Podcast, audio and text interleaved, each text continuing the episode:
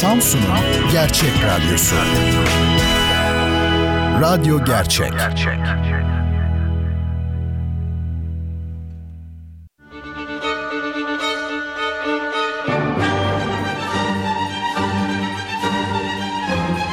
Bertan Rona ile Duyuşlar Müzik, sanat, edebiyat, dil, kültür ve hayat üzerine duymak istediğiniz her şey bu programda. Bertan Rona ile Duyuşlar her cuma 22'de Samsun'un Gerçek Radyosu'nda. Bertan Rona ile Duyuşlar başlıyor. İyi geceler diliyorum. Türkiye'nin ya da dünyanın neresinde olursanız olun. Efendim Bertan Rona ile buluştunuz. Ben Deniz'i dinlemektesiniz. Bu programı, duyuşları her hafta sizler için hazırlayıp sunmaktayım. Ee, daha doğrusu hazırlayıp Cuma geceleri de saat 22'de e, sunmaktayım efendim. Bu programda felsefeden, edebiyattan, sanatın çeşitli görünümlerinden e, bahsediyoruz genellikle. E, çeşitli hediyeler veriyoruz birbirimize. Jest olsun diye mütevazı hediyeler bunlar tabii. Çam sakızı çoban armağanı demişler. Yani kitap hediyesi olacak. Başka ne olabilir? E, zaman zaman bazı kampanyalara giriştik. Böyle şeyler de e, yaptık. Yine de yaparız. Bundan sonra da yaparız inşallah ve e, ihtiyacı olan öğrencilere özellikle e, ilkokul öğrencileri olabilir fark etmez. Yani lise olur, üniversite olur. E, yardımcı olmaya çalışırız. E, şimdi bu programda sizlere çeşitli sorular soruyorum program içerisinde ve bu soruların cevabını ilk olarak veren kişi olabilirseniz e, size kitabınızı gönderiyoruz hediye olarak. Yalnız bu cevapları nereden vereceksiniz? Twitter üzerinden vereceksiniz. E, benim bir Twitter hesabım var. Adım ve soyadımdan oluşuyor. Bertan Rona şeklinde. E, mention olarak e, cevap vermeniz yeterli. Cevap veren ilk kişi olmanız lazım. 4 ayrı soru, 4 ayrı cevap demektir bu. E, Bertan Rona Twitter adresinden beni takip etmeniz iyi olur. Aynı şekilde Bertan Rona olarak ben Instagram'da da varım. O da bu programla ilgili zaten normalde kullanmıyorum. E, Instagram'dan da beni takip edin ki zaman zaman belli görseller üzerinden e, konuşuyoruz. Radyoculukta bir ilk olmuş oluyor herhalde bu da. Daha evvel yapan var mı bilmiyorum. Vardır mutlaka. Yeni şey söylemek zor. Kolay değil. Ee, insan dünyayı tanıdıkça e, dünyanın ne kadar büyük olduğunu ve dünyada ne kadar e, farklı insanlar yaşadığını görmüş oluyor. Yani kabuğundan e, çıkmak lazım bu gibi konularda ve kendi fikirleri çok özgün gelmemeye başlıyor bir süre sonra. Olgunlaşıyor, büyüyor ve daha ihtiyatlı konuşup hareket etmeye e, başlıyor. Tabi bazılarında bu süreç bu yönde olmuyor. Tam tersi daha da beter bir şımarıklığa dönüşüyor ama o ayrı bir konu. Şimdi dolayısıyla bu Instagram e, hesabında Bertan Rona olarak e, takip edin. Bizim duyuşlar at gmail.com şeklinde bir de Twitter hesabımız var. Twitter diyorum e, elektronik posta. Oradan da bize ulaşmanız mümkün. Her türlü şeyi yazabilirsiniz.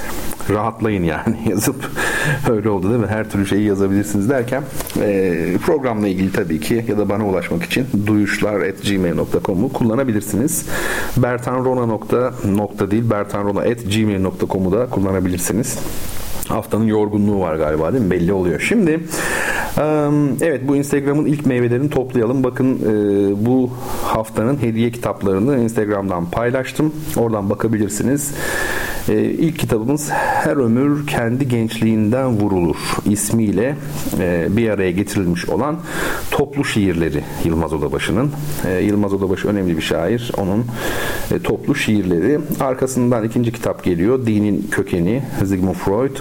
Daha sonra kamera bakışı ya da bir sıralamada farklılık var galiba değil mi? Yani e, fotoğraflardaki sırada önce Beyaz Geceler var galiba Dostoyevski'nin. Daha sonra kamera bakışı Çerkes Karadağ'ın.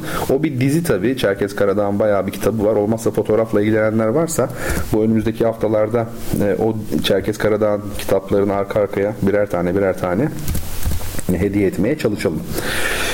Efendim şimdi bu geçtiğimiz hafta bayram tatili sırasında e, kötü bir haber almıştım. Çok e, değerli bir edebiyat insanı olan e, büyüğüm öyle diyeyim, abi de diyeyim. e, çok sevgili Ali Turmuş'un vefat ettiğini öğrendim. Kendisi bir edebiyat hocası aslen. E, ama tam bir bilge öyle diyelim. E, Trabzonlu ben onunla Samsun'da tanışmıştım. E, zaman zaman akşamları e, buluşurduk. Kimse yokken böyle ikimiz yalnız bir şeyler içerdik, bir çay içerdik dışarıda bir yerde ve dertleşirdik. E, herhalde e, yani o, o sohbetlerden edindiğim izlenim onun da kendini benim gibi e, hissettiği belli konuları konuşacak pek kişi bulamadığı gibi belki de öyle bir e, tanışıklığımız olmuştu. Benim orada edebiyat üzerine e, yaptığım söyleşilerden birine gelmişti ilk olarak Ali abi ve o şekilde tanışmıştık. E, şiir üzerine olmuştu sohbetimiz tabii. E, bana her zaman şu ikinci kitabını niye çıkarmıyorsun? Çıkar çıkar çıkar derdi. Ve çok ilginçtir. Allah kalbimi biliyor. Son aylarda, haftalar değil sadece aylarda ne yazık ki çok böyle hani utanıyorum söylerken ama e, telefon et, Ali abi ara, ara. Böyle içimden bir ses sürekli söylüyordu ve bana unutulmaz bir ders oldu. Ben telefonu etmeden maalesef bu vefat haberi gelmiş oldu. Ölüm öyle bir şey ki artık herhangi bir şekilde ulaşma imkanınız yok o kişiye. Aranızda tamamen aşılmaz bir duvar olmuş oluyor. Ve yani ne yapabilirim en fazla? Çıkar şu ikinci kitabı niye çıkarmıyorsun? E, artık demişti. Onu hızlandırabilirim ki belki duyuşları düzenli olarak dinleyen çok sevgili dinleyicilerim e, hatırlayacaklardır. Yani sürekli bir kitaptan bahsediyorum. Ha geldi yeni gelecek. iki kitaptan bahsediyorum hatta bir türlü çıkmıyor. Çünkü ben çok umursamıyorum aslında. Hani sizlere söyleyeyim de e, mahcup olayım. Sonra kendime mahcup olayım. Bak bu kadar insana söyledin programda falan diye. Belki o şekilde çıkarırım e, düşüncesi o da kar etmiyor yani hiçbir şekilde. Kendi ürettiklerine kayıtsız bir şey insan profili eskiden beri öyle. Benim öyle ama artık değiştireceğim inşallah bunu biraz. Belki Ali abinin vefatı bu konuda benim için ciddi bir motivasyon olabilir. E, haftaya e, Ali abiyle ilgili, onun eserleriyle ilgili ya da onunla ilgili yazılmış olan e, metinlerle e, ilgili bunlara daha çok geniş yer verdiğim bir program yapacağım. Şimdilik duyurmuş olayım. E, Allah rahmet eylesin mekanı cennet olsun. Bir de doğum günü. Hayat çok ilginç tabii. Aslında ilginç değil. Böyle hayat zaten zıtlıklarla var. Zıtlığın olmadığı yerde, karşıtlığın olmadığı yerde hareket olmuyor. Hareket olmazsa da hayat olmuyor. O bakımdan hareketsizlik ölüm demektir. Şimdi ölüm haberinden sonra doğum günü haberi çok sevdiğim ama çok çok çok çok çok sevdiğim e, arkadaşım Umut Taylan Ersoy'un doğum günü bugün. E, Umut e, çok enteresan onunla 1995 yılından beri e, tanışıyorum ve o tarihlerde İzmir'de birlikte tiyatro yapıyorduk. Daha doğrusu tiyatroyu o yapıyordu. Ben müziğini yapıyordum sahnede. E, Mrojek'in Sığıntılar adlı oyununu yapmıştık. O tarihten beri tanıdığım ve kendi çizgisini, dünyaya bakışını, e, yönünü hiçbir zaman değiştirmemiş. Bence bir istikrar abidesi olarak e, kalmış biridir. Bu yönüyle hayran olduğumu söyleyebilirim Umut'a. Çok ciddiyim. Ee, Umut'cum şimdi İstanbul'da ama günün birinde İzmir'de buluşmayı hayal ediyoruz onunla. Böyle artık göbeklenmiş bilmem kaçına merdiven dayamış aile babaları olarak değil mi buluşmayı düşünüyoruz bir gün bakalım. Umut'cum doğum günün tekrar tekrar tekrar kutlu olsun. Ee, seni çok seviyorum. Yani iyi ki doğmuşsun diye çok klasik bir şey var ya hadi onu da söyleyelim. Ama çok mutluyum. Kendimi çok zengin hissediyorum senin gibi bir arkadaşım olduğu için son zamanlarda e, az görüşüyor olsak da dedikten sonra benle az görüşenin durumu iyi olmuyor. Aman Umut'cum ara beni sık sık diyeyim. E, evet böyle bir mizah da lazım. Çünkü hayat başka türlü çekilmiyor. Şimdi e, size birkaç şeyden bahsedeceğim dille ilgili bu akşam. Bu geçtiğimiz ay internet üzerinden bir oluşum içerisindeydik. Dersler verdim ben orada. Felsefe tarihi vardı, dinler tarihi vardı, klasik batı müziği vardı, işte ne bileyim şiir analizi vardı. Vardı da vardı. İkonoloji vardı. Ama e, etimoloji dersinin adı etimoloji değildi. Etimoloji ve kültür tarihi gibi bir şeydi yani. Neden öyle?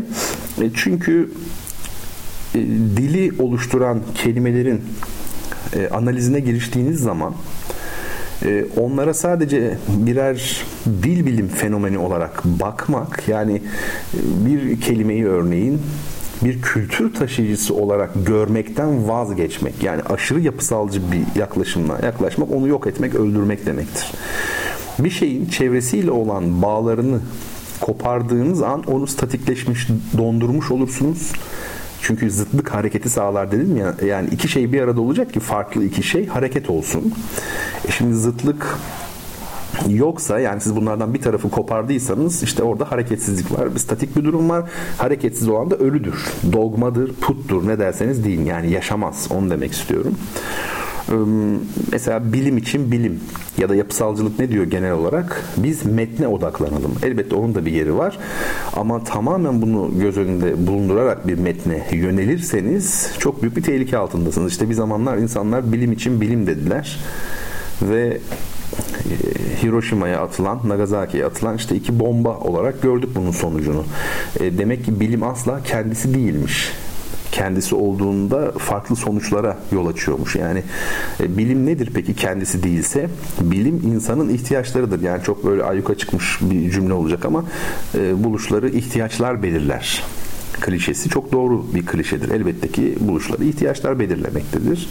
Bu ihtiyaçların insanlığın yararına ya da zararına olması ayrı bir konu tabi. Yani o başka. Silah da üretiliyor bugün. E, silah üretmekte e, e, ihtiyaç yok. Yani savaş yok değil mi? Üretmeyelim, savaşmayalım da. Yani. Hayır, silahı üretelim. Nasılsa savaşı da icat ederiz. Ki zaten emperyalizmin en e, tipik özelliklerinden bir tanesi azami kar elde etmek için e, yeni pazarlar bunlar ancak neyle girilebilir? Savaşla girilebilir. İkinci Dünya Savaşı hakeza bir bunun örneğidir. Neyse o ayrı bir şey.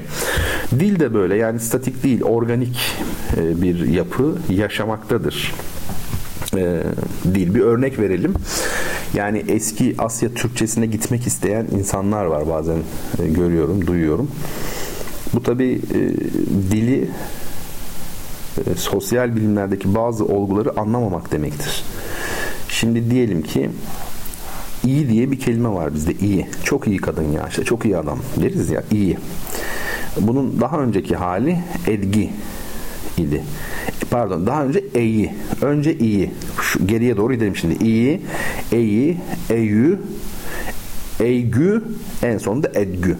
Yani edgü iyi olmuş. E, bayrak bir zamanlar badrak ya da efendim kudhuk kudhuk kuyu olmuş. Yani bin yıl geçmiş, 1500 yıl, 2000 yıl geçmiş. Dilde hiçbir değişiklik sanki olmamış gibi hala o günün kelimelerini alıp bugün canlandırmaya çalışmak e, çok anlamlı değil. Aynı şey Osmanlıcacılar için de görülüyor ne yazık ki. Yani mesela Osmanlıca sanki kök bir dilmiş gibi ya da Arapça için çok fazla bunu düşünen var. E, Arapçanın kökeninde başka dil yokmuş gibi. Ya Arapça içinde en fazla yabancı dil olan kelime dillerden biri. Yabancı kelime olan dillerden biri. Osmanlı Türkçesi içerisinde çok fazla fahiş hata barındıran yani sanki o kelimeler hiç türetilmedi. Onlar da bir zamanlar yoktu. Bugün beğenilmeyen yeni türetme kelimeler gibi o kelimeler de bir zamanlar türetildi. Nezaket mesela. Yanlış bir kelimedir. Eğer mesele Osmanlı Türkçesini incelemekse o sayısız örnek verilir. E, Farsça köke Arapça yapım ekiyle nezaket yapılmış. Bu olmaz. Örnek veriyorum yani. Dil biraz şeydir e, hakikaten karşılıklı etkileşim açısından çok öğretici. E, televizyonda İsmet Özel biri söylemişti. Biz dilimizi Fars hocalardan öğrendik. İranlı hocalardan öğrendik diye. Tabi Selçuklu medreselerini kastediyor. E, ne demek istediğini anlıyorum. Konuşma dili değil ama yazılı dil birikimi açısından tabi o dönemde İslam, medreseler ve tabii ki e, Fars hocalar Bunlar çok belirleyici. Ama burada yine e, İsmet Özel'in hemen hemen her konuşmasında şahit olduğumuz aşırı yorum. Yani artık hayalle gerçeğin birbirine karıştığı, olayları, nesneleri ve ilişkileri onları oluşturan altyapıdan tamamen bağımsız gören bir düşünce var yani aşırı bir yorum var. Yani biz dilimizi Fars hocalardan öğrenmedik. Yani bu başka bir şey. Ama e, o dönemde Selçuklu'da resmi dilin Farsça olması ve medreselerde İran kökenli hocaların, Farsça konuşan hocaların bulunması ve bunun da e, yazılı kültür, vokabüler birikimine olan katkıları ayrı bir şeydir. Yani bu tamam. Uzun hece yoktu mesela eski Türkçe'de ama şimdi uzun hece var. Değil mi? Mesela nasıl yok? Eski Türkçe'de diyelim ki ela diyoruz bugün. E, bu Türkçe bir kelimedir. Ela öz Türkçe bir kelimedir ama aslı böyle değildir. Öz Türkçe bir kelimede uzun hece olmaz. Yani ela değil ela olurdu mesela değil mi? Ama aslı ala. Ala. Sonra mesela Salanikos biliyorsunuz Selanik şehrinin ismi. Orijinal ismi Salanikos. Yunanlılar böyle söylüyor. Biz Selanik demişiz mesela. E, minare diyoruz. Arapçası manara minare mina yani uzun hece yok kesinlikle. Sahi diyoruz. Sahi diye bir kelime yok Arapçada. Sahih var. O da kısa aslında hepsi. Dolayısıyla bakın dil değişmiş zamanla. Nasıl oldu bu? Türkler Anadolu'ya geldikten sonra oldu. Yani Arapçayı ve Latinceyi, Yunancayı duyduktan sonra oldu. Ee, onu söyleyelim. Ee, şimdi yani dil değişir, yaşar. Bu arada Salanikos ve Selanik demişken Türkiye'deki bazı tartışmalar gerçekten dudak uçuklatacak, akıl durduracak kadar saçma oluyor. Şimdi şehirlerin iki ismi olur genellikle. Bir tanesi e, kendi bulundukları medeniyetin ona verdiği isim. Bir tanesi de yabancıların, her yabancı e, milletin kendi diline göre verdiği isim. Mesela örnek verelim. Efendim Damaskus Değil mi? Ne diyoruz biz? Şam diyoruz. Örnek olsun diyorsun. London. London'a biz ne diyoruz? Londra diyoruz. Salanikos. Biz ne diyoruz? Selanik diyoruz mesela. Değil mi? Yani biz tutup da e, İngilizlerden izin alacak değiliz. Yani biz Londra'ya Londra diyebilir miyiz diye. Öyle bir şey düşünülemez bile. Yani buna zaten herhangi bir insan karar vermiyor Metropolis diyebilir. Biz niye Şam diyoruz? Biz de Şam demeyelim o zaman. Ya da başka o kadar yerler var ki yer bugün şu an aklıma gelmiyor. İç isim, dış isim ayrı. Japonlar kendine Nippon diyor. Ama bütün dünya Japon diyor. Öyle değil mi? Yani niye böyle? Ya da biz niye Deutsch demiyoruz Almanlara? Deutsch demiyoruz. Almanlar kendine Deutsch diyor. Biz Alman diyoruz Fransızlar gibi. Fransızlar da Alman diyor tıpkı bizim gibi. Efendim e, şeyler Amerikalılar ne diyor? E, German diyorlar. German. Yani Germen, Cermen neyse German diyorlar. E şimdi o zaman Almanların çıkıp şöyle dediğini düşünsenize. İşte hepiniz art niyetlisiniz. Benim ülkemde gözünüz var. Siz German diyorsunuz. Ya bu hakikaten çok komik olmaz mı? O bakımdan yani biz bunlarla tartış zaman geçireceksek ha, zaman geçiriyoruz. Aslında bu gündemde yok böyle bir şey. Bunlar yapay olarak bizim gündemimize getiriliyor ne yazık ki. Belli işte siyasi çıkarlarla getiriliyor. Açık konuşmak gerekirse. O buna şöyle dedi, bu buna böyle dedi. Neden? İşte belli bir kitle konsolide edilsin, seçmen kitlesi ya da bir düşman yaratılsın. O düşman üzerinden bir takım e, tanımlamalar yapılsın. Bu da anlamsız bir şey değildir aslında. Mesela her millet tarihe baktığınızda e, ya da çoğu millet diyelim bir düşman millet üzerinden kendini tanımlamıştır. Mesela Ermenilerde Türk düşmanlığı çok yoğundur. Yunanlılarda da yoğundur. Bu da normaldir. Çünkü Osmanlı tebaası olunduğu için çok uzun yüzyıllar e, kendi uluslaşma süreçlerinde kendilerini tanımlayabilecek bir e, düşman lazımdı. Yani e, düşmanınız olacak yani ben ne değilim demek öyle değil mi? Ben buyum demektir aynı zamanda. E, böyle duygularla bakılmaz tarihe.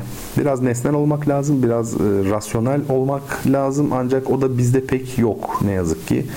Biz duygularımızla hareket ederiz. İşte zayıfı tutarız, mağduru tutarız. Mesela mağduru tutmak kötü bir şey değil belki ama yani değerlendirme yapmak yerine duyguyla hareket ederiz. İşte şu kişiyi çok seviyorum ama şu konuda haksız diyemeyiz mesela. Ya hep ya hiç. Hayır demek istemeyiz, kırılır zannederiz karşı taraf falan.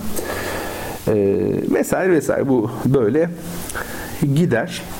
Şimdi e, bizim bize öğretildiği kadarıyla işte Türkçenin içerisinde yabancı kelime çok fazla ve o nedenle dilimiz çok zayıf gibi. Bu tabii yanlış bir düşünce.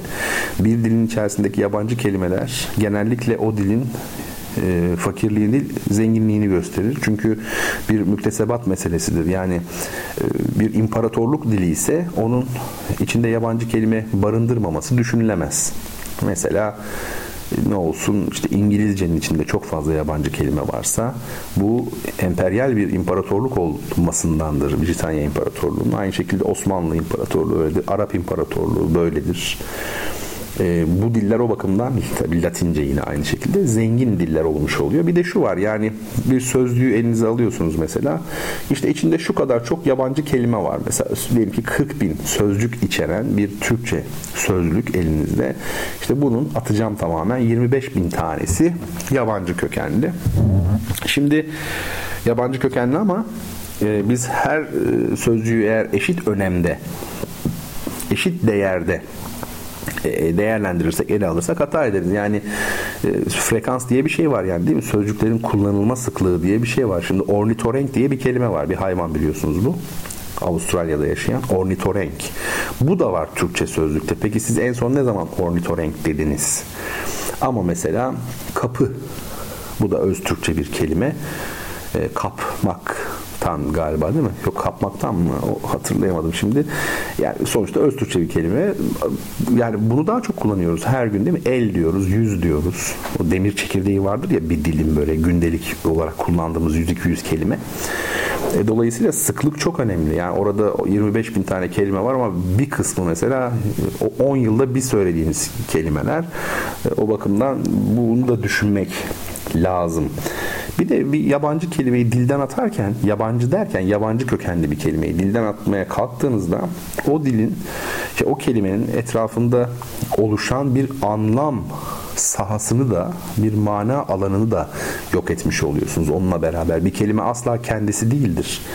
Şimdi siz mesela diyelim ki e, ne bileyim yani yani merdiven kelimesini dilden atarsanız Farsça kökenli diye içinde merdiven geçen bütün deyimleri merdiven kelimesinin birden fazla olan anlamlarının tamamını ve bu kelimenin etrafında oluşmuş o çağrışım alanını mesela işte ağır ağır çıkacaksın bu merdivenlerden diyor. Merdiven bizim için bir şey ifade ediyor. Edebiyatımızda yeri var.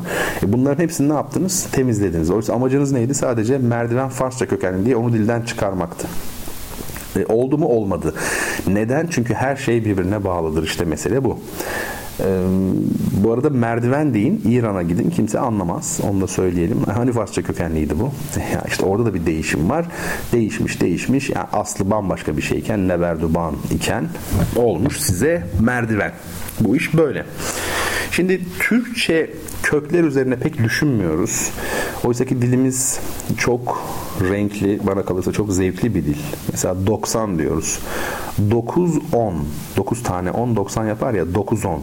Tokson aslında 90. 80 aynı şekilde 8 ile ilgili. Kulaç diyoruz mesela. Kol açımı kulaç. Ya da örümcek diyoruz. Örümçi. Örümçi böcek. Şimdi bunlar çok güzel lezzetler. Kuyu mesela. Kuyu. Kuyumcu. Bakın o kuyumcu da çünkü biliyorsunuz değil mi? Oyarak bir şeyi içine böyle o sıvıyı döküyor ya mesela hani kuyumcu. Kuyu, kuyumcu, kuyumak. Kuyumak nedir? Karadeniz bölgesinin bir yemeğidir yani böyle menemen gibi düşünün siz bilmeyenler için söylüyorum. O da böyle bir şeyin içine dökersiniz ya yine öyle. Kuytu mesela kuytu.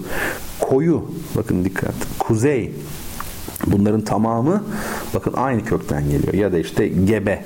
Gebe karnı şişkin demek tabii gebe. Göbek aynı kökten. Bir de mesela daha sert bir kelime ama gebermek mesela. Çünkü ka ölenin karnının şişmesinden hareketle.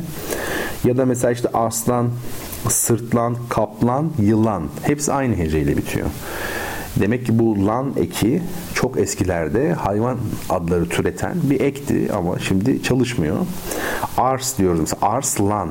O ars bars aslında. Pars. Bakın pars. Pardos. E, Bars. Leopardo. Leo. Aslan. Pardos. Yine aslan. Yani bunlar önemli şeyler. Yanmak. Yanmak aynı zamanda dönmek demektir. Yani yankı, yansı. Dikkat bunlara.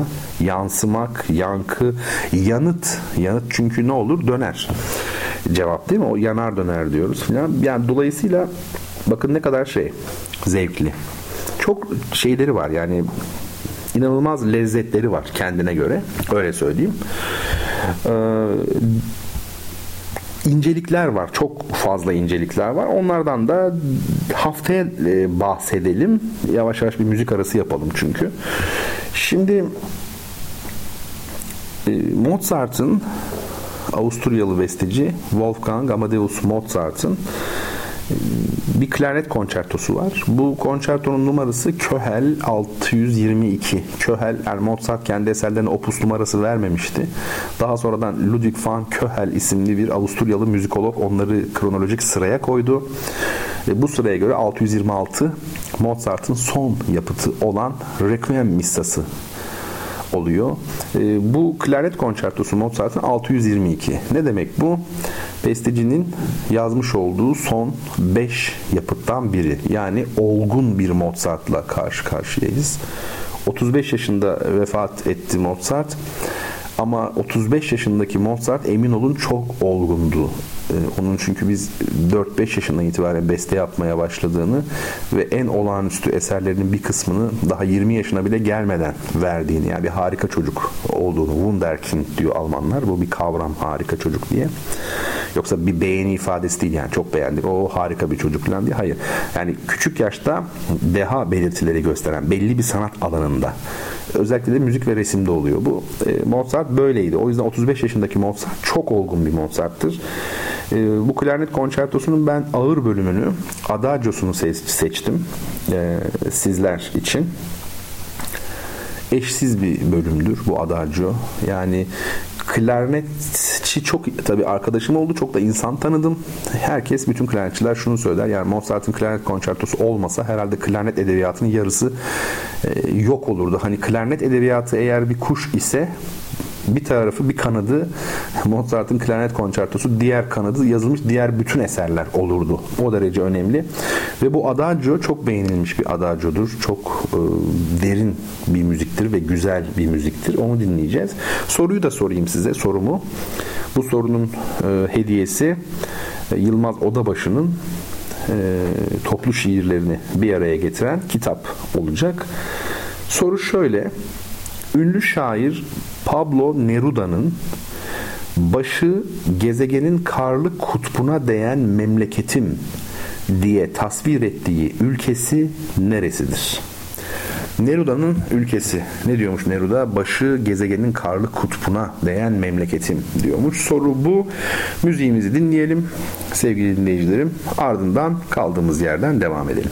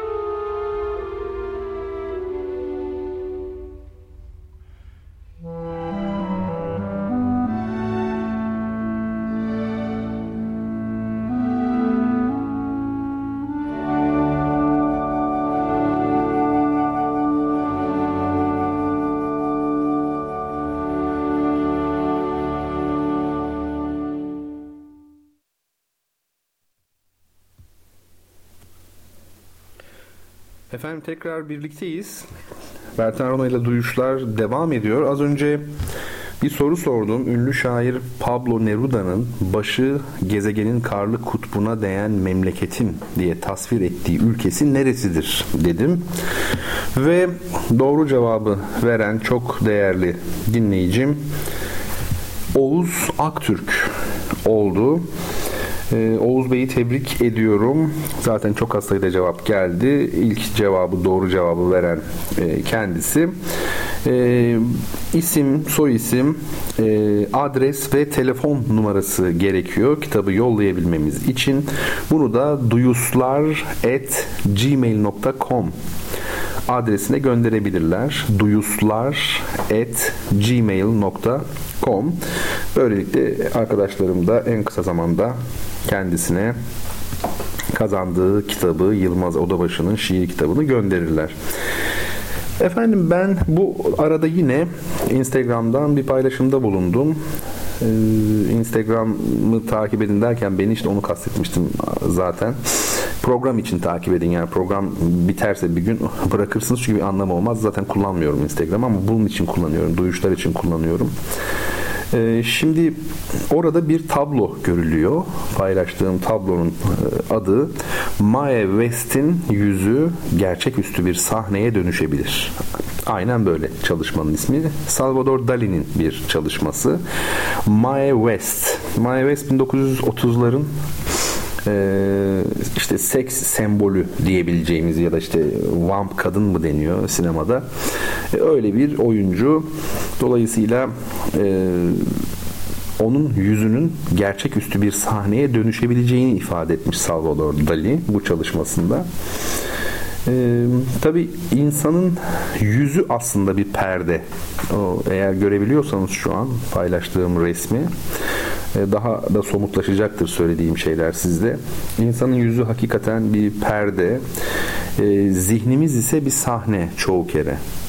Yani perdeli yüzlerle dolaşıyoruz. Gerçek sahne yani perde açıldığında ortaya çıkacak olan sahne geride yani zihnimiz bizim. Ee, ha, bizim için yazılmış oyunlar var. Kimi buna e, Tanrı yazdı, efendime söyleyeyim işte kader diyebilir. E, kimi buna işte efendim doğuştan birileri şanslı, birileri şanssız, o zengin doğmuş, ben yoksul doğmuşum falan diyebilir. Yani insanlar farklı açılardan bunu değerlendirebilirler. Ama o oyun kim için e, yazılmışsa, yani kim yazmış olursa olsun e, zannediyorum kişilerin her birinin e, oyunu farklı. Herkes kendi oyununu oynuyor. Ve seyirci sayısı da biraz farklı galiba. Bu da önemli bir detay. İnsanla tiyatro arasında çok bağlantı e, var. Bunu söyleyebiliriz. Yani öyle sınırlı sayıda e, değil. E, mesela ne olabilir diye şöyle bir düşündüğümüzde yıllar evvel bir işte program başında bahsettiğim sevgili arkadaşım Umut'la beraber bir tiyatro topluluğunda görev yapıyorduk. Ben müzisyendim. O zaman bir arkadaşımız şöyle demişti. Yaşarken oynayanlar oynarken yaşayamazlar demişti. İşte tiyatroyla e, hayatı aynı zeminde e, buluşturabildiğini, buluşturduğunu düşünebileceğimiz bir söz. Yıllar evvel demiştim ki hepimiz kendi hayatımızın dublörüyüz. E, tabii bu çok önemli ve bu bakımdan da büyük tehlike içindeyiz demiştim. Çünkü günümüzde kendi olan, kendi olabilen pek kalmadı. Büyük bir yabancılaşma söz konusu. Çok doğaldır bu bugünkü koşullarda. Ve dublörler nasıl esas kişinin yerine geçip tehlikeli sahnelerde oynuyorsa bizler de kendimizi duble ediyoruz. Dublör biliyorsunuz çiftleyen demek yani duble etmek, katlayan anlamına gelir, ikileyen. Dolayısıyla bizler kendi hayatımızın dublörüyüz. Ancak ve ancak dublörüyüz ve o nedenle de büyük bir tehlike içindeyiz gerçekten. Ve yine hayatta en tehlikeli rolün farkında olmadan oynanan rol olduğunu söylemiştim. Bu daha da tehlikelidir. Yani çünkü size oynatıl, oynattırılmaktadır bu rol demek ki siz farkında değilseniz işte o bakımdan da birilerinin oyuncağı olmuşsunuzdur açıkçası. Bir de e, tip dediğimiz bir şey var tiyatroda. Karakter tip ayrımı söz konusu. E, karakter derinliklidir ve oyun boyunca, piyes boyunca, temsil boyunca gelişim gösterir. Öyle değil mi mesela biz ya da şeyde de böyledir. Yani romanda da böyledir fark etmez. Biz diyelim ki roman içerisinde e, Alyosa'nın bu Karamazov kardeşlerden bahsediyorum. Onun gelişim gösterdiğini görürüz ve derinlik derinlik sahibidir o karakter. Ama mesela diyelim ki bazı piyeslerde, oyunlarda hiçbir derinliği olmayan ve oyun boyunca herhangi bir gelişim göstermeyen böyle çok ikinci planda bir takım isimler vardır diyelim, tiplemeler vardır. Bunlara da işte tip deniyor zaten. Yani tip neymiş? Derinlikten yoksun ve gelişim göstermeyen. Yani tipin özelliği bu. Hakikaten şöyle bir etrafınıza bakın. Memlekette e, tipler dolu tipi tip gibi yani biraz ağır bir eleştiri olacak belki ama tip tipler geziyor. Derinlikten yoksunlar ve gelişim göstermiyorlar. Ve o bakımdan bu e, kişiler karikatür gibidir. Bu yani üniversitelerimizde olsun, e, basın dünyasında olsun e, aslında dünyanın çok gerisindedir.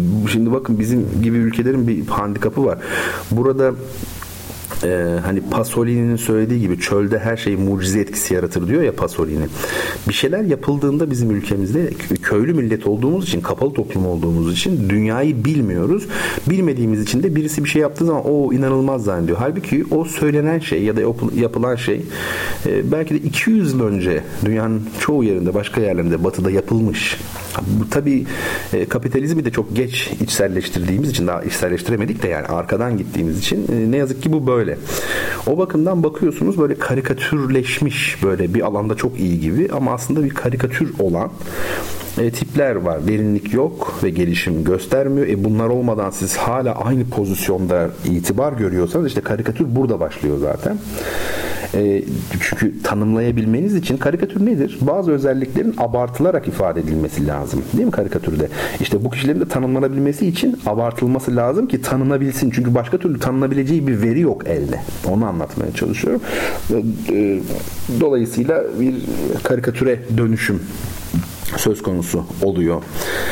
Ee, şimdi tabi sürrealizm dedik. Ee, Salvador Dali'den bahsettik kısmen. Yani oradan daha doğrusu yola çıkarak bunları konuştuk. Buradan bir şeye bağlayayım ben.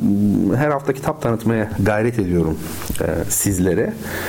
E, bu haftada çok önemli olduğunu düşündüğüm bir kitabı paylaşmak istiyorum. Yine Instagram'da görebilirsiniz. Onu yükledim oraya.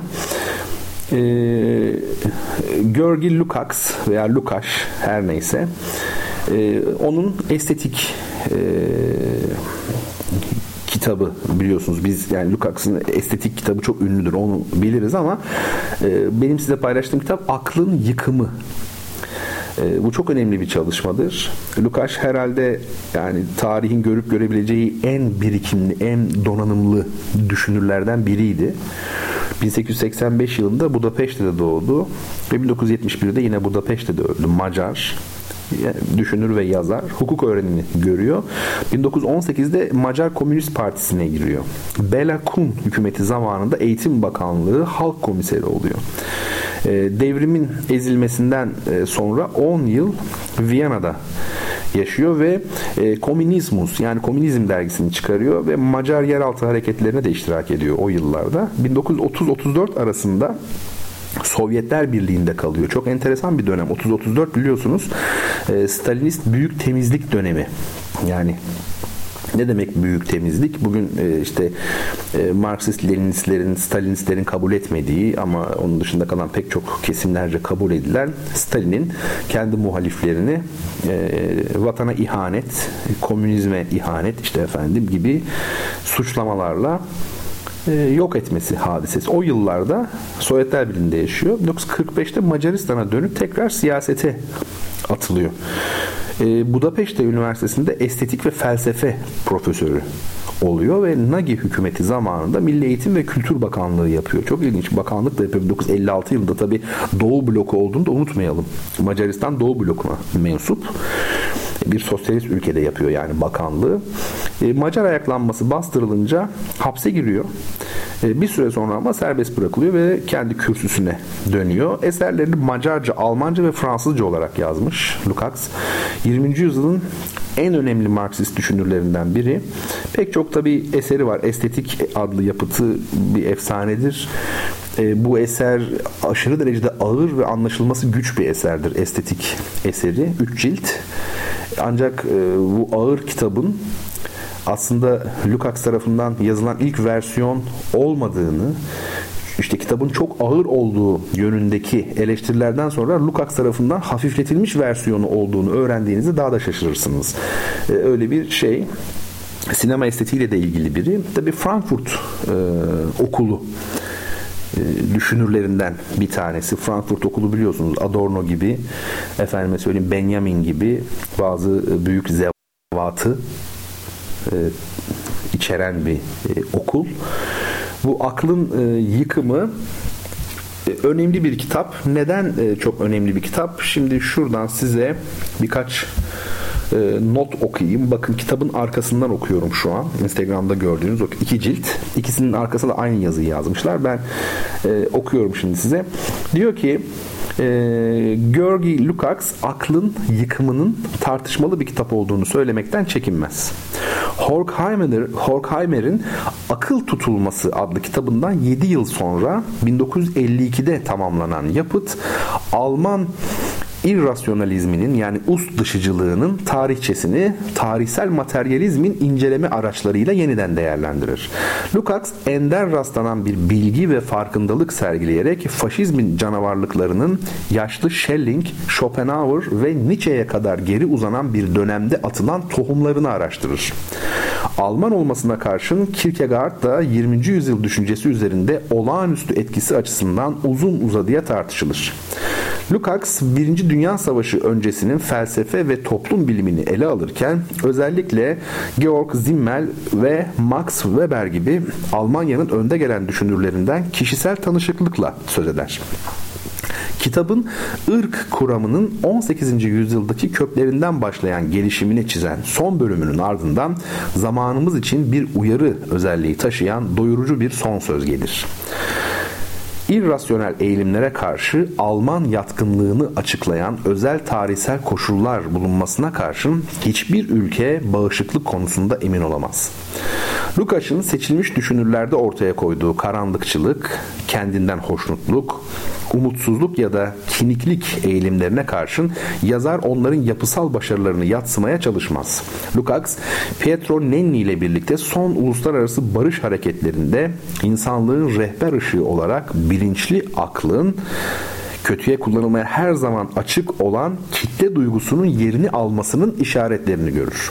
Genç Hegel'le birlikte yazarın başyapıtlarından biri olan ve iki cilt olarak yayımlayacağımız Aklın Yıkımı baştan sona yazarın gelecekteki uygar yaşama ilişkin ciddi kaygılarını dile getirir. Evet böyle bir yazı yazmışlar.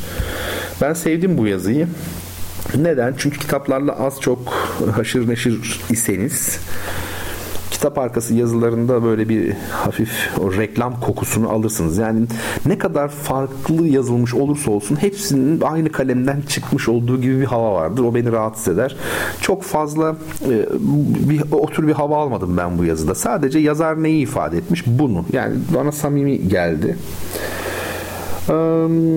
Şimdi Mesele bu. Bu tabi irrasyonalizmi ele alıyor ve bunun Schelling'de, Hegel'de ve Nietzsche'de yer alan temellerini de sorgulamış oluyor. E, sakın şaşırmayın. O çok çok çok çok büyük filozoflar dediğimiz e, filozoflar o kadar masum değiller. Onu söyleyeyim size. Yani masum değiller derken kişisel olarak e, söylemiyorum ama tarihsel bağlam noktasında bakacak olursak örnekle gidelim mesela bir Heidegger e, Heidegger gibi bazılarına göre işte düşüncenin hakkını veren efendime söyleyeyim filozofların filozof böyle çok büyük hayran olacak filan biri ya efendime söyleyeyim. Peki nasıl oluyor da bu kadar hayran olunacak birinin düşüncelerin üzerine faşizm bina edilebiliyor. Daha doğrusu Nazizm nasıl oldu da e, Heidegger'in bazı düşüncelerini kullanabildi? Nazizm nasıl oldu da Nietzsche'nin bazı düşüncelerini kullanabildi? E, bunlar çok önemli meselelerdir ve aslında felsefenin toplumsal pratikten bağımsız düşünülemeyeceğinin de kanıtıdırlar. Yani en soyut felsefe bile her zaman doğrudan toplumsal pratiği içerisindeki insan kavramıyla ilgilidir. Bu da son noktada e, siyasete uzanır. Onu söyleyelim. E, yani şöyle söyleyelim. Mesela bir felsefe diyelim çıkıyor. Tarafsızlık ilkesi üzerinden hareket ediyor. Değil mi? Diyor ki ben ne materyalistim ne idealistim. E çok güzel. İkisi de değilim. Efendim ben tarafsız bir felsefeyim. Bugüne kadarki bütün felsefeler ideolojikti ve taraflıydı. Ben tarafsız bir felsefeyim. Bu çok güzel bir düşünce gibi geliyor. Kulağa da öyle öyle duyuluyor hakikaten. Ama bu mesela ben size bir tarafsızlık örneği vereyim. E, diyelim ki Hitler, Adolf Hitler ya da Nazi Almanyası e, aynı anda yani Amerika Birleşik Devletleri, İngiltere, Fransa ve Rusya ile savaşabilecek kadar güçlü bir ordudan bahsediyoruz. Aynı anda yani bu kadar fütursuz saldırabilecek kadar kendine güvenen bir ordu bu. Yani Hitler'in e, tesis ettiği ordu. Her neyse. Ve bu ordunun mesela ne olsun? Monaco gibi ya da Arnavutluk gibi filan Liechtenstein filan gibi bir ülke işgal ettiğini düşün. Ve siz şunu söylüyorsunuz ben tarafsızım burada. Demek ki işte tarafsızlık meselesi üzerine düşünmek lazım. Ya da Kant ne diyordu?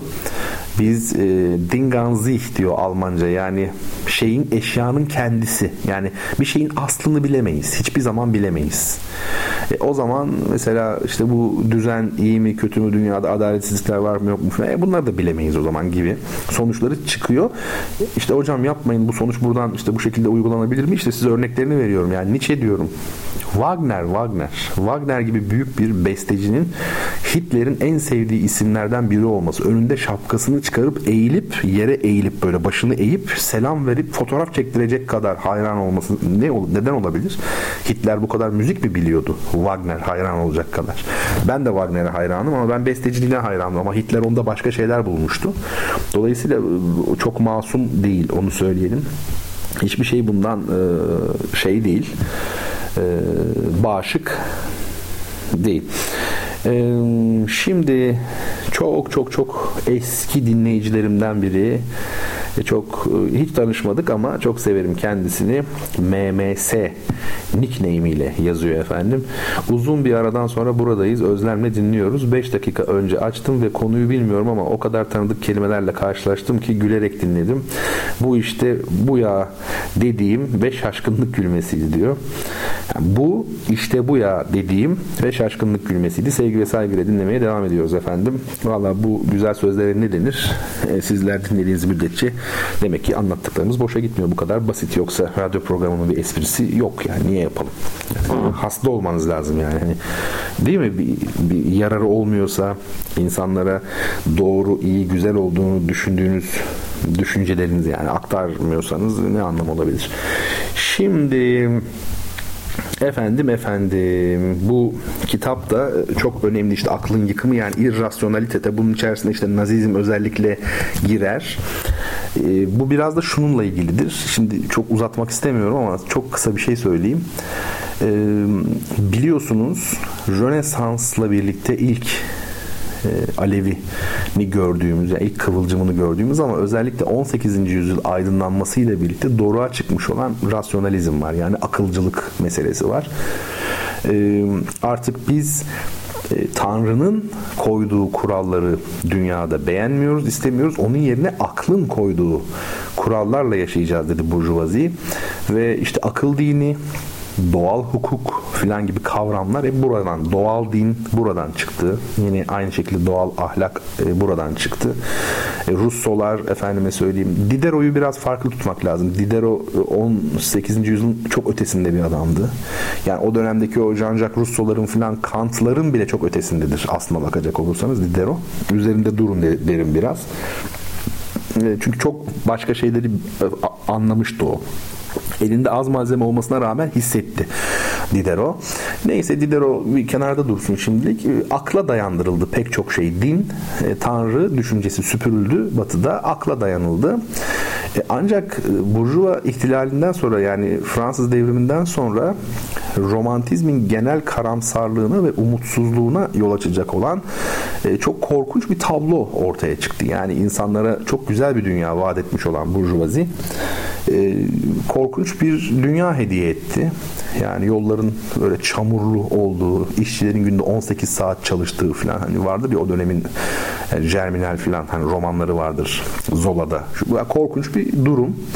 Dolayısıyla bu noktada yani aklın bizi getirdiği yer burasıysa e, ben bu aklı istemiyorum, kabul etmiyorum düşüncesi alttan alta kendini göstermiş oldu. Yani aslında bu irrasyonalizmin, akıl dışı eğilimlerin e, Kierkegaard Alman diye geçmiş burada tabii değil ama hani Kierkegaard'ın e, siz söyleyin o aşırı diyebileceğimiz o dönem için belki mistisizmi olsun yine e, Nietzsche'de bir taraftan sistematik felsefeye çok e, anlamlı eleştiriler getirirken öte yanda özellikle işte bu Übermensch kavramı ve başka bazı bir takım düşüncelerle e, akıldan uzaklaşma eğilimi görüyoruz aslında. Hegel'de dahi vardır. İşte, işte hocam Hegel'de de var mıdır? Vallahi kusura bakmayın Hegel'de vardır. Bir söz söyleyeyim mi size Hegel'den? Ne diyor Hegel? Ee, şöyle diyor ussal olan yani akli, mantıklı öyle düşünelim. Ussal olan her şey gerçek, gerçek olan her şey ussaldır diyor. Yani akli olanla reel olanı özdeşleştiriyor Hegel. Ne demek bu? Bu şu demek işte o dönemki Prusya monarşisinin de akli olduğunu söylüyordu. Gerçek olduğu için akli diyordu yani. Dolayısıyla yani bu da bir anlamda çok ilginçtir. Tamamen akıldan e, söz etmekle birlikte e, aslında bir e, irrasyonalite, us dışı olma belirtisidir bana kalırsa. Peki bu meseleler böyle yani anlat anlat bitmez tabi. Biz devam edelim efendim. Yani okuyun bu aklın yıkımı iki cilt güzel bir şey. Kitap öyle söyleyeyim. Efendim bir e, müzik arası vereceğim. Biraz da eğlenmek istiyorum. Yani iyi şöyle bir tebessüm ettireyim sizi istiyorum. Aslında hep felsefe anlatmayalım ama onu da yani şimdi ben bugünkü notlarımda Kıbrıslı Zenon yani eski Stoa felsefesi üzerinde konuşmayı düşünmüştüm aslında. Bir bakalım nasıl olacak bilmiyorum. Size kısaca bir şey söyleyeyim sadece. Ee, bizim memleketimizde biliyorsunuz benim tarafımdan tespit edilen çeşitli kanunlar vardır. Bu küçümseme anlamında değil milletimizi asla. E, biraz eğlenelim düşüncesi. Çünkü anlattığında zaten Aa, hakikaten var diyor insanlar. Bir tanesi neydi mesela? Üç, üçüncü hal yasası yani şey gibi Fransız filozoflarındaki gibi üç durum yasası falan. Bir de pay bırakmama var bizde. Biz hiç pay bırakmayız. Şimdi pay bırakmamak e, hata. Bir gün Aristoteles öğrencileriyle beraber gezerken arkasında böyle 10-15 öğrenci var biliyorsunuz hani sürekli gezerek anlatıyor Aristoteles.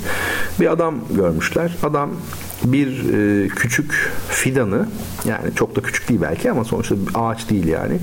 Bunu bir böyle çubuk yapmış yere saplamış dimdik oraya bağlıyor. Böyle bağlamış Aristoteles demiş ki ne yapıyorsun?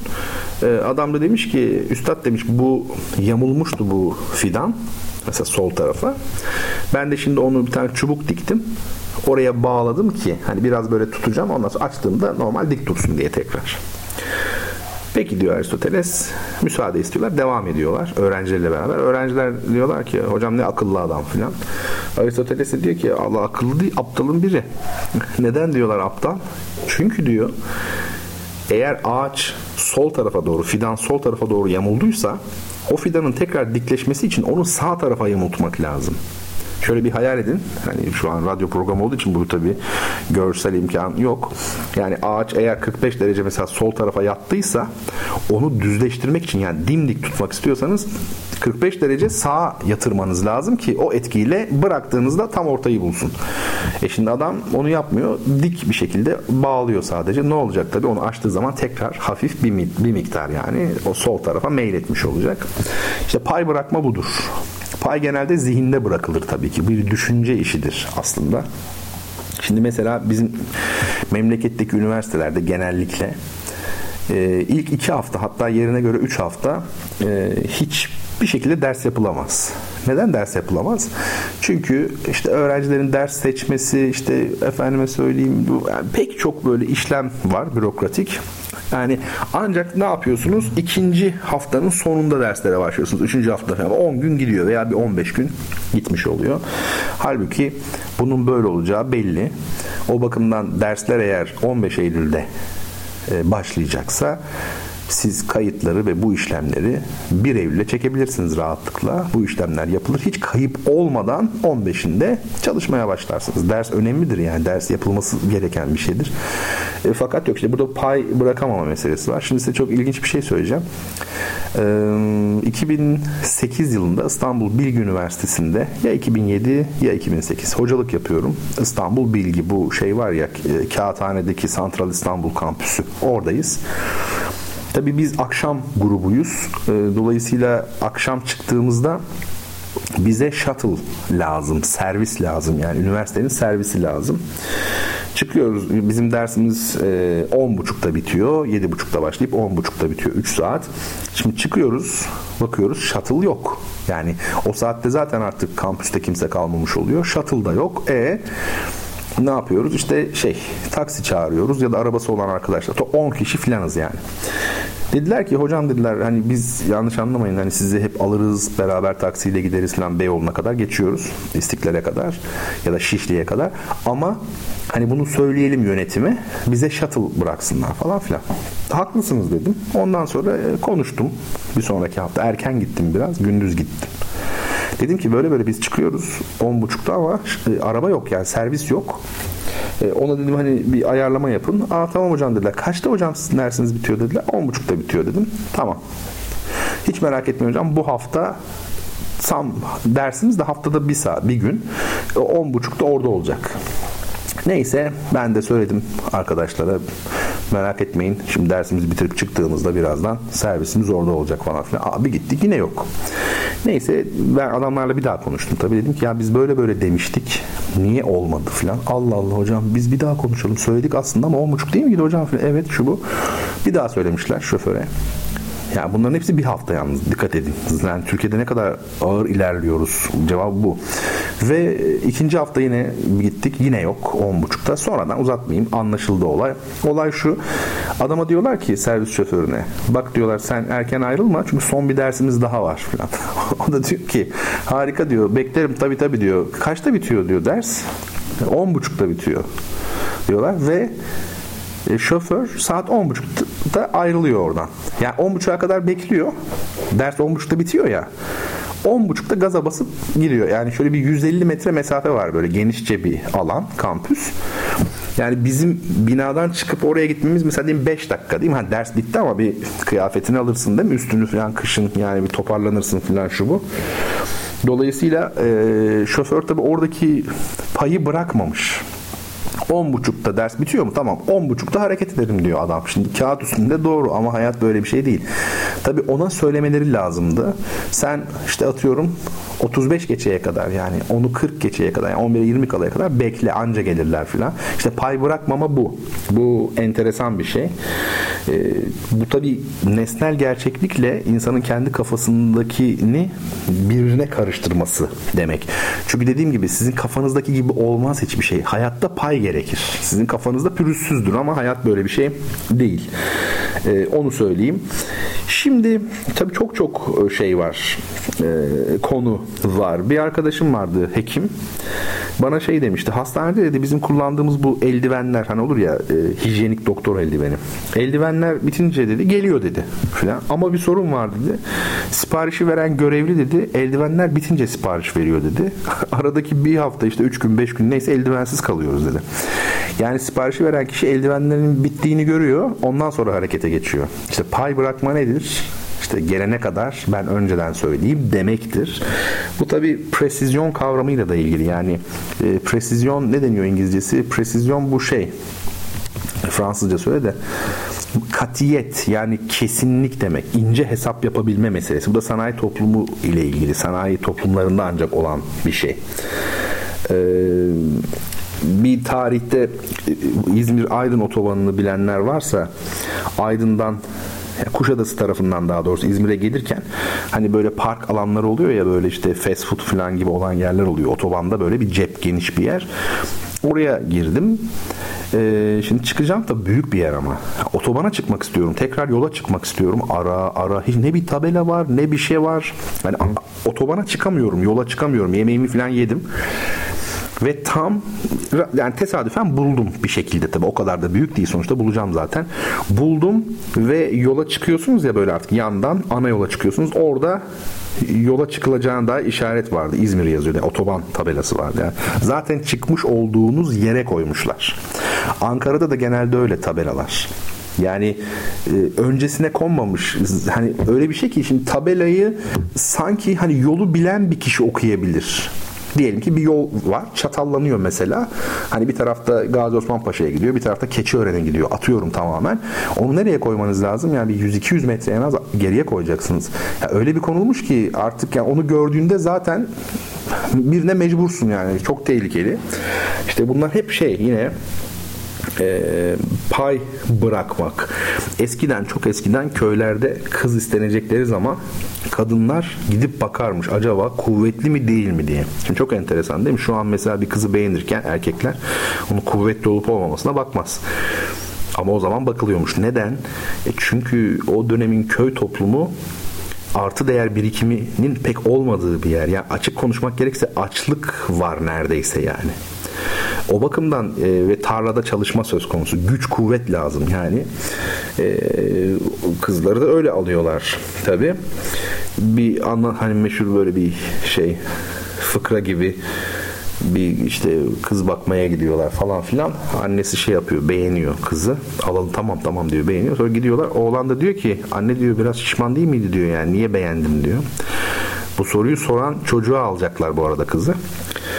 Ondan sonra o da diyor ki oğlum diyor zayıf ölene kadar diyor şişman zayıflar. yani zayıf ölene kadar şimdi zayıf bir kız alırsanız değil mi? Bir yoklukta veya ağır çalışma koşullarında o ölene kadar bu şişman olan zayıflamış olur diyor yani. İşte bakın pay bırakmış oluyor. Evet fazla mı düşünüyorum ben? Acaba bir hastaneye falan mı yatırılmam lazım? Yani buradan pay bırakmayla ilgili bir konu çıkardığıma göre Neyse böyle ya. Ülke renkli. E, bundan sonra bu konulara da daha fazla e, yer vereyim. Çünkü program biraz ağır şeye dönüşmeye başlayacak yoksa felsefe programına. Ona gerek yok yani. Biraz daha renkli olsun. Şimdi bir müzik arası verelim artık. Türk Beşleri olarak adlandırılan bir topluluk var biliyorsunuz. Cemal Reşit Rey e, efendime söyleyeyim Ahmet Adnan Saygun, Ulvi Cemal Erkin, e, Necil Kazım Akses ve Hasan Ferit Alnar. E şimdi bu bestecilerden Necil Kazım Akses 1999'da kaybettik. Çok değerli bir e, hocamızdı. Onun benim çok sevdiğim bir piyano eseri Minyatürler. E, onu şimdi dinletmek istiyorum sizlere. E, Emre Eli var. 1976 doğumlu bir piyanistimiz. Almanya'daydı herhalde şimdi Türkiye'ye geldi artık temelli olarak. Ee, yani orada hocaydı. Şimdi Türkiye'de devam edecek. Büyük bir kazanım olur tabii ki. Ee, eğer burada devam ederse, hocalık yaparsa. Emre Eli var seslendiriyor ve Necil Kazım Akses'in minyatürlerini dinliyoruz ama sorumu da sorayım. Ee, bu soru ikinci kitabın sahibini belirlemiş oluyor. İkinci kitap neydi? Sigmund Freud'un Dinin Kökeni adlı kitabıydı. Soru şöyle. İkinci Dünya Savaşı sonunda mağlup olan Nazilerin subaylarının ve önde gelenlerinin yargılandığı ünlü mahkemeler hangi şehirde kurulmuştu? Yani İkinci Dünya Savaşı'nda Amerikalılar Nazileri nerede yargıladılar? Soru bu. Evet müziğimizi dinleyelim ondan sonra kaldığımız yerden devam edelim efendim.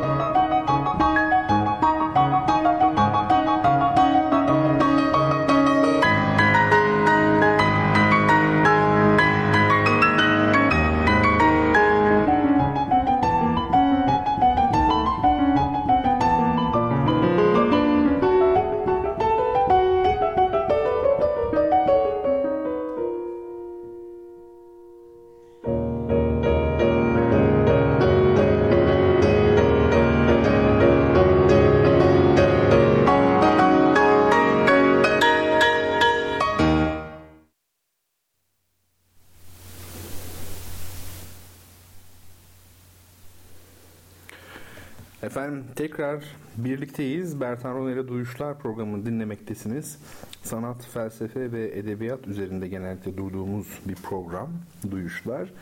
Az önce ikinci kitabımızı hediye etmek üzere size bir soru sordum. İkinci Dünya Savaşı sonrasında e, Nazilerin toplu halde yargılandıkları mahkemeler hangi şehirde kurulmuştur e, dedim. Doğru cevap Nürnberg idi.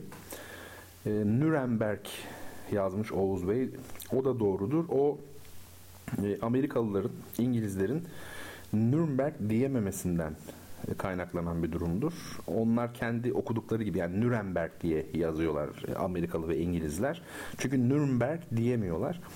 Biz de işte hep söylüyorum örnek veriyorum garibim Köln değil mi? Almanya'nın Köln şehrine de Köln diyen e, kişiyle dalga geçiyoruz yani böyle bir durum. Şimdi tabi e, Nürnberg şehri Wagner'in bir operası var. Nürnbergli usta şarkıcılar diye. Şöyle söyleyeyim uzatmayayım. Eğer e, Adolf Hitler kazanmış olsaydı 2. Dünya Savaşı'nı şu an dünyanın başkenti Nürnberg'ti. İşte bakın Wagner'e hayran olması boşuna değilmiş demek ki. Ee, yani çok şey bilmek, işte Wagner olmak, Nietzsche olmak, Heidegger olmak değil mesele. Onu anlatmaya çalışıyorum. Buradan şeye bağlayayım. Çok sevgili dinleyicim demiş ki MMS. Ben dedim ya hiç tanımıyoruz birbirimizi ama böyle böyle filan diye anlattım. O da herhalde onun üzerine şöyle yazmış. Müzik arası verelim dedikten sonra konuya girişinizdeki kelimelerinizde bizde şu his uyandırdı. Bu dünyada denklik ve ortamlarımız çok uzak parantez açmış. Bilgide alt seviyede biriyim demiş. Ne demekse o. Lakin sanırım ruhlar aleminde kültürel bir ortamda karşılaşmışız. Müzik eseri de harika bu, bu arada demiş. E, Valla dediğim gibi bilgide alt seviyede üst seviyede olmak nedir? Kim bu seviyelerdir? Bu tartışılır. O yüzden hiç e, öyle düşünmeyin. E, çok şey bilebilirsiniz ama yani ne işe yaradığı önemlidir aslında. Ruhlar alemi deyince ya iki insanın benzer şeyleri düşünmesi, aynı ortak kaliteli noktalarda buluşması zaten işte ruhlar alemi olmuş oluyor. Hiç de gerek yok ruhlar alemine gitmek için. Bu dünyada yeter ki aynı e, şeyleri hissedebilsin insanlar. Bu önemli. Şimdi Kübra Hanım da Nürnberg demiş. Doğru. Hepsi doğru. Nürnberg demiş Arzu Hanım. E, bu şehri görmenizi tavsiye ederim. Özel bir e, şehirdir. Şimdi sevgili dostlar bu program daha uzayacaktı aslında epey bir. Ben yarısındaydım aslında kafamdakilerin ama e, şöyle bir şey oldukça kısa kesmek durumundayım. Yani çok kısa bir zamanımız kaldı. Haftaya e, şu eski Stoa'dan devam edelim. Çünkü biz e, bu ne derler adına felsefe tarihinden devam ediyoruz. Stoizme kadar geldik yani. Ben bambaşka şeyler anlatacağım size yine.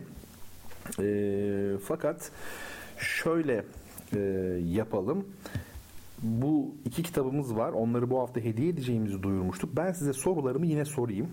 Hızlıca yazarsanız cevabımı da almış olurum. Üçüncü soru şöyle. Kitap hediye, Beyaz Geceler herhalde değil mi? Dostoyevski. Şöyle diyor soru. Kuzeyde Svalbard adaları ve Franz Josef arazisi, doğuda Rusya'ya ait Novaya Zemlya, güneybatıda ise İskandinav Yarımadası ile çevrili olan denizin adı nedir? Bana öyle bir deniz söyleyeceksiniz ki güneybatısında İskandinav Yarımadası olacak. Bakın soruyu basitleştirdim. Bu soruyu e, doğru cevaplarsanız ben e, kitap hediyesi notları arasına yine sizi alırım. Fatih Bey ilk defa Nürnberg'i yazan kişi olmuş. Nürnberg yazmış ama Nürnberg demek istediği için o konuda da bir sıkıntı yok. Yani bana öyle bir deniz yazacaksınız ki güneybatısında neresi olacak? İskandinav Yarımadası olacak. Çok değerli dinleyenlerim. Ve bir soru daha sorayım size. Bakın ne güzel değil mi? Zaten biz bizeyiz. 3-5 kişiyiz. Yani kitap kazanma e, ihtimali çok yüksek oluyor bu sorularda. Bakın soru şu. Dördüncü soru. Siz onu ararken 4 adet 52'lik desteden 9'dan küçük kağıtların çıkarılması sonucu elde kalan 96 kağıtla oynanan sayıları tutmak için marköz adı verilen tahta mandalların kullanıldığı kozlu oyunların en ünlülerinden biri olan iki kişilik iskambil oyunu hangisidir? İki kişilik bir oyun, kozlu bir oyun, marköz adı verilen tahta mandallarla sayıları tutuyorsunuz. 96 kağıtla oynanıyor. Bu da e, çok ünlü bir oyundur. Hatta bir ipucu vereyim. Edebiyatçılar aramızda var biliyorum. İpucu şöyle. E, Edip Cansever'in bir kitabının da ismidir aynı zamanda. Evet Oğuz Bey Barents Denizi demiş. Evet öyle de geçiyor demek ki. Barent Denizi diye biliyorum ben. Hadi şu İskambil'i de yazın. Hangi oyun olduğunu yazın bana. Ve ben sizden izin isteyeyim. Yani çünkü ben bu kitapları bu gece hediye edeceğimi söyledim. O yüzden iki tanesini verip de kaçmak istemiyorum. Oğuz Bey'i işaretlemiş bulundum. E, kitap kazananlar sevgili Fatih'in bilgileri bende var. Ona gerek yok ama Oğuz Bey sizden ad soyad muhtemelen kendi adınız soyadınız öyle görünüyor ama telefon numarası adres lazım ki e, kargoyu gönderebileyim. Bunun için de duyuslar at gmail.com adresine yazmanız gerekiyor. E, dediğim gibi 96 kağıtla oynanan kozlu bir oyun ve çok ünlü bir kozlu oyun. iki kişiyle oynanıyor ve Edip Cansever'in evet. Peki evet Oğuz Bey kıl payı kaçırmış oldu bunun Nürnberg gibi. Mesture Hanım yazmış. Basic son bir soru sorayım.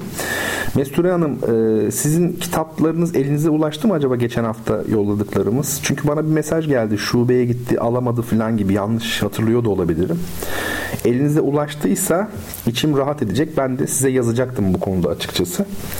O cevabını da verirseniz Kübra Hanım da yani hepsinin cevaplarını yazdı ama biraz daha hızlı olması lazım. İnşallah Kübra Hanım'a da kitap göndereceğiz önümüzdeki hafta. Artık duyuşlar biraz e, daha zengin bir formatta olacak. Program üzerinde çalışıyoruz efendim. Bakalım ilginç şeyler. Mesture Hanım bana cevabını yazabilir zaten. E, e-mail olarak da yazar. Başka ortamlardan da yazar. O yüzden ben artık yavaş yavaş e, izninizi isteyeceğim. Radyodaki bazı durumlardan dolayı şimdi böyle yapmamız gerekiyor. Efendim fotoğraf analizi, resim ve şiir analizi, öykü, masal, e, felsefe tarihi, değil mi? Müzik üzerine konuşma. Bunların hepsini felsefe tabii ki yine ve Türkiye halleri e, bu programda olacak duyuşlarda.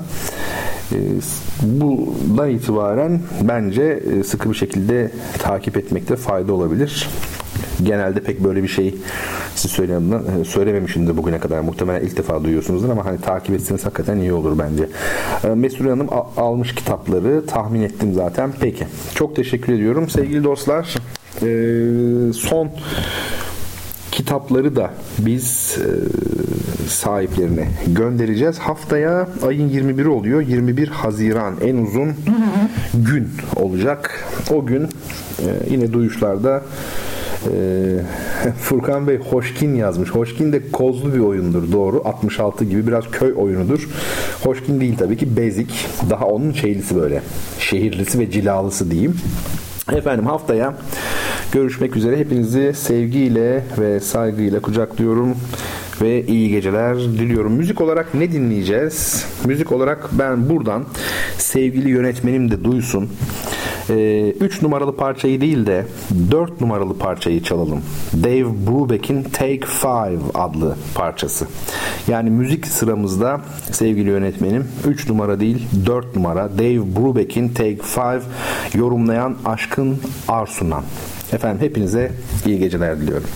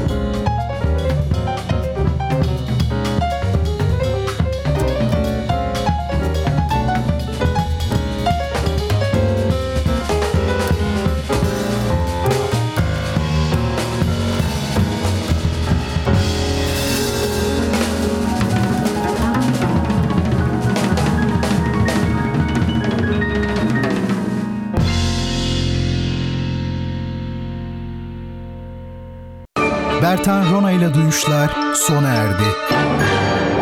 Bu program hakkındaki düşüncelerinizi dinleyen et radyogercek.com adresine mail atarak bize ulaştırabilirsiniz. Dinlemiş olduğunuz programda ürün yerleştirme yapılmıştır.